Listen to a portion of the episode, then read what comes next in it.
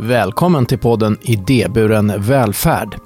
Den här podden görs av Skyddsvärnet anno 1910 som erbjuder jour och familjehemsvård i hela Sverige för alla åldrar och tar emot alla typer av uppdrag. Tillsammans med våra utbildade familjehem kan Skyddsvärnet hjälpa individer över hela Sverige att få en trygg tillvaro och möjligheten att kunna återanpassas till samhället. Jag som är programledare heter Thomas Tränkner.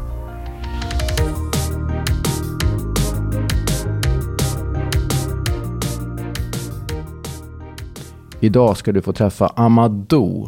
Amadou avtjänar ett fängelsestraff på 16 år och eh, sitter inne för mord helt enkelt. Och du är med mig nu. Hej!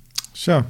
Och du som lyssnar och vill veta mer om Amadous tankar kring det här med kriminalitet och missbruk. Gå tillbaka och lyssna på vårt tidigare avsnitt. Men Amadou, vad kul att du är här igen. Ja, tack. Just idag så sitter ju du, eh, eller ja, du är på ett familjehem sedan ja, några månader tillbaka. För du har ju, varit, du har ju avtjänat tio år drygt av ditt fängelsestraff. Ja, det stämmer. Ja. Hur känns det idag? Hur mår du? Eh, det, känns, eh, det känns helt okej okay, faktiskt, gör det. Eh, jag är som sagt på ett familjehem. Eh, det är en utslussåtgärd från eh, kriminalvården. Ja. Eh, jag fick det sista året. Jag har sex månader kvar nu. Eh, det är ju bättre än anstalt, men det är fortfarande mycket regler och kringhålla sig runt. Så det är inte att man är, alltså den här frihetskänslan har ju inte kommit än, eftersom man är fortfarande väldigt bunden. Men det är absolut mycket bättre än eh, att sitta inne i anstalt. Men eh, om vi går tillbaka här, eh, ditt eh, straff eh, för mord som du fick för ja, tio och ett halvt år sedan. Du har suttit inne nu i tio år och sen, sen ett halvår tillbaka då på utsluss i ett familjehem. Ja. Och sen efter det, kommer du bli villkorligt frigiven då eller? Ja, exakt. Så och, då har jag ju fem år och fyra månader som är en... Eh, alltså där, där, där, frivården har övervakning på mig då. Ja, just det. Du, du, måste, du får inte begå några brott och du, får inte egentligen, du måste sköta dig väldigt noga för att ja, exakt, du ska få exakt. behålla den här möjligheten att vara villkorligt frigiven, eller? Ja, ja.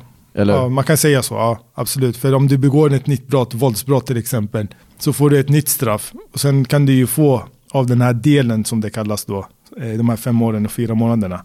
Det kan ju plussas på ditt straff. Men det här med eh, utsluss och villkorlig frigivning, det är ju någon slags praxis inom krim, eh, för den som eh, avtjänar ett straff att få det kanske efter två tredjedelar av tiden. Stämmer det? Alltså det, det, här är en utsluss eh, som till exempel familjehem. Ja. Eh, det är en utslussåtgärd främst för de som har suttit många år i fängelse. Eh, och det är ett bra sätt för att komma i, till, alltså tillbaka inom parentes in i samhället. Eh, det är det som är tanken rin, eh, kring eh, familjehemmet. Och det här familjehemmet som man bor med, jag bor med ett äldre par. De liksom är mina ledsagare och hjälper mig med olika Eh, ärenden, om jag behöver eh, till exempel eh, gå till banken och skaffa ett bankkort så är de mina ledsagare dit. Mm. Och det är så det funkar. Men om vi tar idag, det är slutet på november 2023. Hur ser en typisk dag eller vecka ut för dig när du sitter eller är i familjehemmet? Eh, ja, I dagsläget eh, tar vi till exempel eh, idag så vaknar man på morgonen Eh, Eh, man äter sin frukost, kokar kaffe. Eh, och sen sätter, ja, men säger god morgon till eh, eh, de här familjen då. Och sen går jag in i mitt rum. Jag bor i ett rum i en lägenhet, har min egna rum. Det är min, eh, alltså det är min trygghet. Kolla lite på nyheterna på tvn eller på mobilen. Och sen så har man ju två timmars fritid varje dag. Om jag vill gå och gymma om jag vill gå och shoppa, om jag vill gå och äta, vad, det spelar ingen roll liksom. Du, du har dina två timmar. När är de? Är de på förmiddagen då eller? Nej, det får du själv bestämma. Okay. Men du ska vara tillbaka innan klockan 20 på kvällen. Ja. Det är liksom deadline-tiden. Jag brukar ju oftast, eh, mina fritimmar går ju åt gym. Jag går till och tränar för jag mår ju bäst av det. Ja. Eh, det är min rehabilitering. Du bygger kroppsbyggare alltså? Ja, och det är min eh, rehabilitering också. För du får ut väldigt mycket i ett gym. Jag gillar att promenera, för det är också en eh, väldigt bra rehabilitering för mig. Mm. Man kan rensa tankar. Så två timmar om dagen så är du ute och gör saker på egen hand kan man säga? Ja. Men eh, i övrig tid, vad gör du då? Du, du sa att du, du har en sysselsättning. Vad handlar det om? Eh, jag har en sysselsättning där jag jobbar med människor eh, som har, har lite tuff bakgrund. Ja. Eh, hjälper dem med kontakt med olika myndigheter, eh, ger dem stöd, ger dem trygghet. För man själv har varit där en gång i tiden. Hur känns det att, att jobba med det? Och det känns ju fantastiskt för min del eftersom det är det här jag vill. Jag vill hjälpa människor som har det lite trasigt. För man själv har varit där. Ja. Så vet man ju exakt vad, man, alltså vad de här människorna känner, vad de upplever, vad jag själv pratar om, vad de pratar om. Det blir en annan förståelse. ja. Hur många timmar i veckan är du där? Eller per dag? Jag är där eh, om- om- ungefär fem timmar om dagen. Om vi kan säga så. Just det. Ungefär. Mm. Men åter till den här lägenheten, familjehemmet. Du sa att det är ett äldre par som du bor hos, eller? Ja, det stämmer. Eh, vad hände mellan er? Pratar ni mycket med varandra? Vi pratar vi har jättebra dialog. Eh, De eh, är jättebra. Ja, de har hållit på med det här jättelänge. Har de gjort. Eh, De, de eh, har en stor erfarenhet. Som man lär sig det ena och andra. Hjälp med olika myndigheter. Då får man ju hjälp av dem. Var familjehemsplaceringen så som du förväntade dig? Eller hade du andra tankar kring vad det skulle innebära? Alltså helt ärligt så hade jag inga tankar runt omkring det. Det hade jag inte. Eh, Det jag tänkte mest var liksom att få känna av den här frihetskänslan.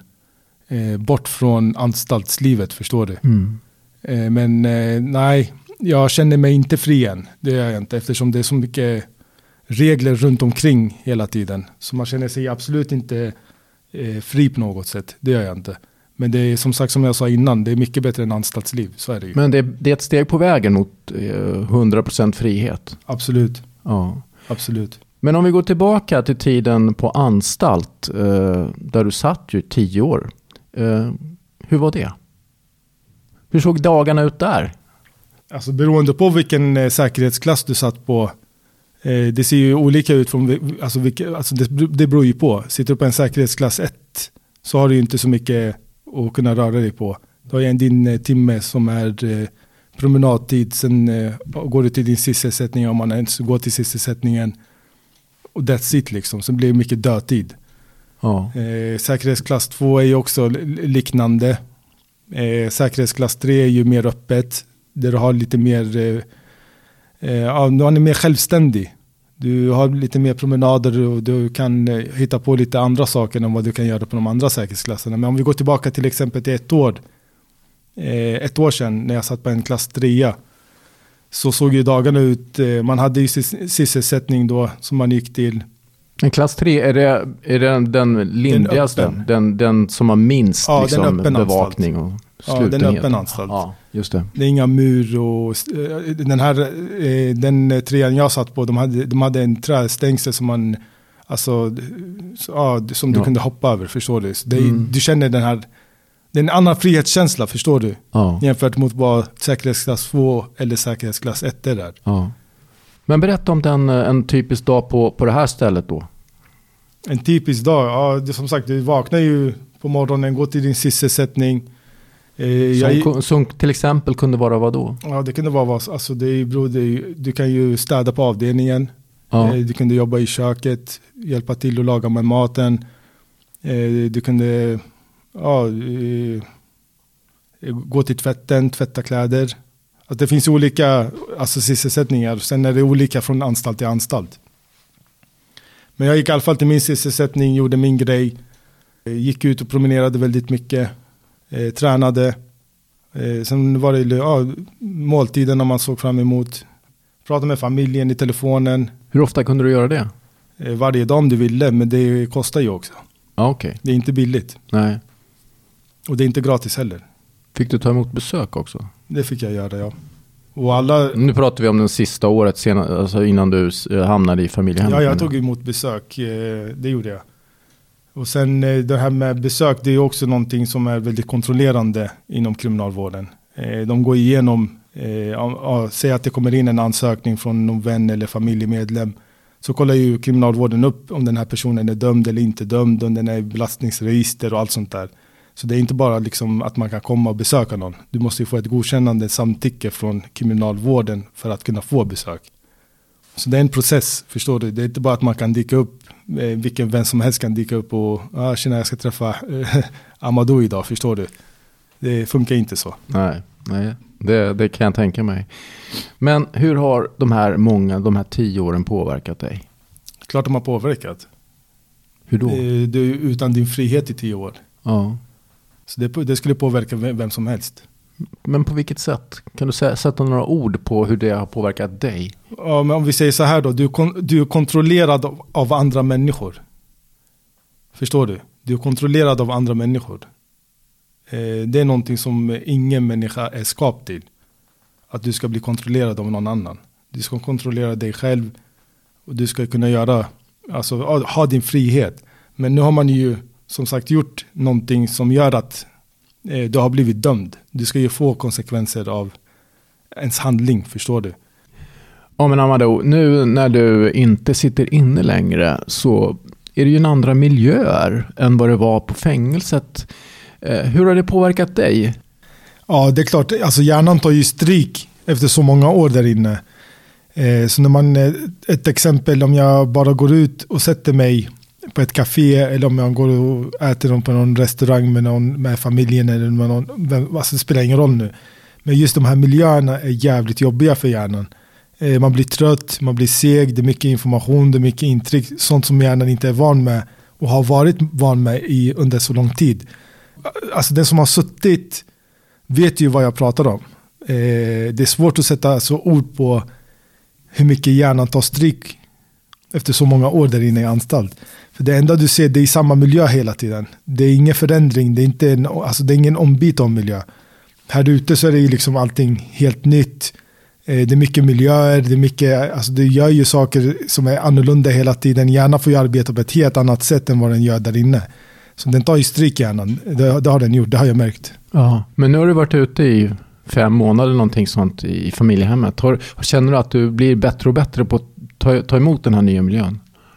Det blir ju lite, alltså det, det, det, det blir ju lite bättre, det, absolut, det är klart det gör det. Men det, det är fortfarande, alltså, eh, går, går jag bara och sätter mig på ett pendeltåg och åker från punkt A till B, det, jag blir fortfarande trött av det. Eh, ja, lite bättre, absolut, det är klart, men det kommer ta tid, det kommer det göra. Jag vet ju en vän som eh, muckade för ett år sedan, han satt också i några år i anstalt. Han är fortfarande, han, alltså det, det blir påtagligt för honom än idag och han har varit ute i ett år. Hur blir det för den som har varit inne i, alltså i tio år? Förstår du? Hur lång tid tar det innan hjärnan kommer tillbaka? Det vet man ju inte. Men jag tror det kommer ta tid, det kommer det absolut göra. Men eh, åter till eh, det här med att känna sig kontrollerad. Uppenbarligen är det någonting som du måste vänja dig vid ju. Ja, det, det är någonting man måste vänja sig vid. Och det jag, det jag menar med kontrollerad, det jag kan ge till exempel, ett, alltså ett exempel. Ja. Eh, du bor med andra människor som du inte ens vill bo med. Många av dem vill du inte ens se deras ansikten, förstår du? Men du är tvingad att bo med de här Du måste det helt Du enkelt. måste helt Ja. enkelt. Eh, och det jag vill säga med det är att du kan komma i dispyt med någon. Det kan bli tjafs, det kan bli bråk. Men du måste hela tiden tänka att ingen ska se när du tar den här personen och ja, ifrågasätter dens handling om man har eh, skitit i toaletten och inte spolat. Förstår du? Mm. Jag, jag kunde inte vara tyst på en sån grej. Det är klart jag går och söker upp personen. Fan är du pysslar med? Är din mamma här eller? Och sen kan det bli lite... Det blir tjafs och... Exakt, Ja. och det ska, inte någon, alltså det ska inte en vårdare se, förstår du? För om vårdarna ser det där, vad gör de? De, har ju, de, de tar ju den enkla vägen, trycker på larmet och sen är du körd.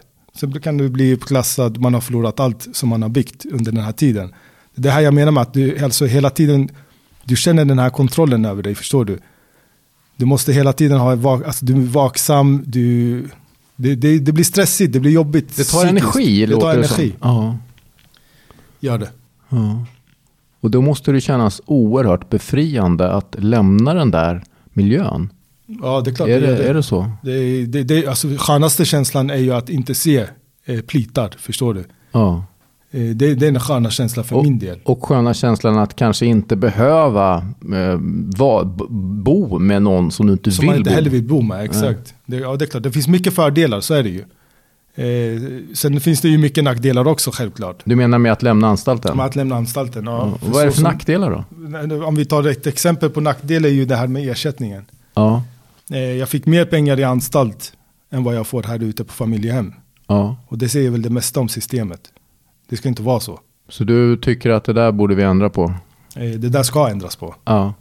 För eh, nu, är inte jag ute i kriminella eh, banor i mitt huvud, förstår du? Eller kriminella handlingar i mitt huvud. Men jag förstår folk som kommer ut på en utsluss och inte får en ersättning, de får inte pengar. Hur ska de överleva? Förstår du? Det är klart man gör kriminell handling för att du ska få pengar, du ska få mat på bordet. Nu, nu, nu, drar jag bara här, alltså snabbt sådär. Eh, familjehem är ju en, eh, alltså de ska ju stå för din mat. Eh, men eh, säg att du vill ha kläder, förstår du?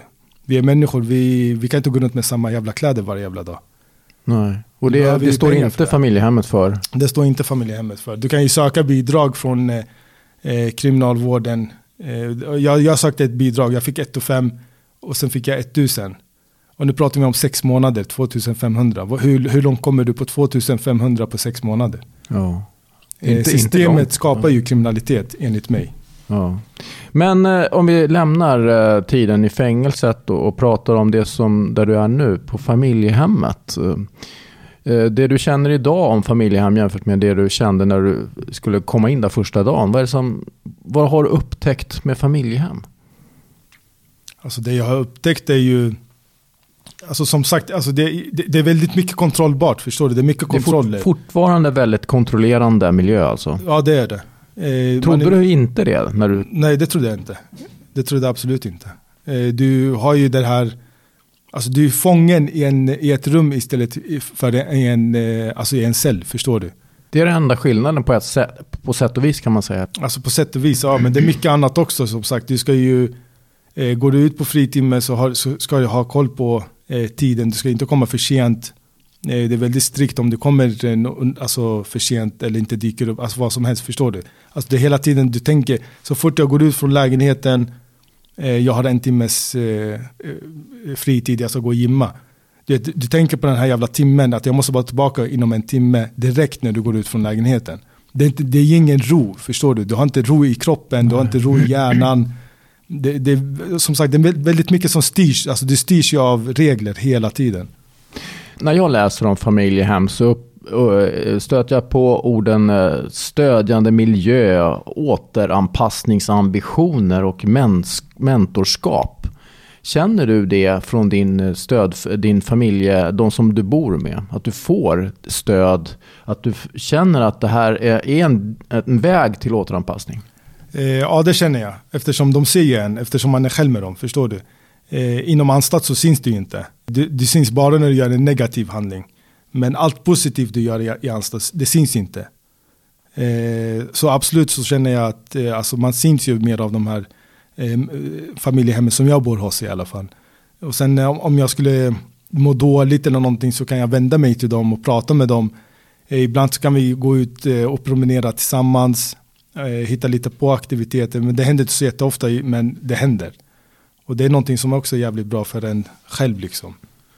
Amadou, om du och jag sitter här och pratar med varandra om två år. Då sitter du förmodligen på ett villkorligt straff där du inte behöver vara på ett familjehem. Vad skulle du vilja berätta för mig då om din tillvaro? Då skulle jag vilja berätta till dig att jag har ett jobb eh, där jag föreläser för eh, unga människor. Eh, av det jag har varit med om, av min erfarenhet. Och jag skulle vilja berätta till dig att jag har räddat eh, några ungdomar ut från eh, kriminalitet eller missbruk. Det är min dröm, det är min scenario om två år. Och sen att jag har en, eh, förhoppningsvis en egen lägenhet. Det är saker som du verkligen drömmer om alltså? Ja, jag vill rädda andra. Det är någonting som jag drömmer om. Familj och sånt där och liksom din personliga liksom tillvaro.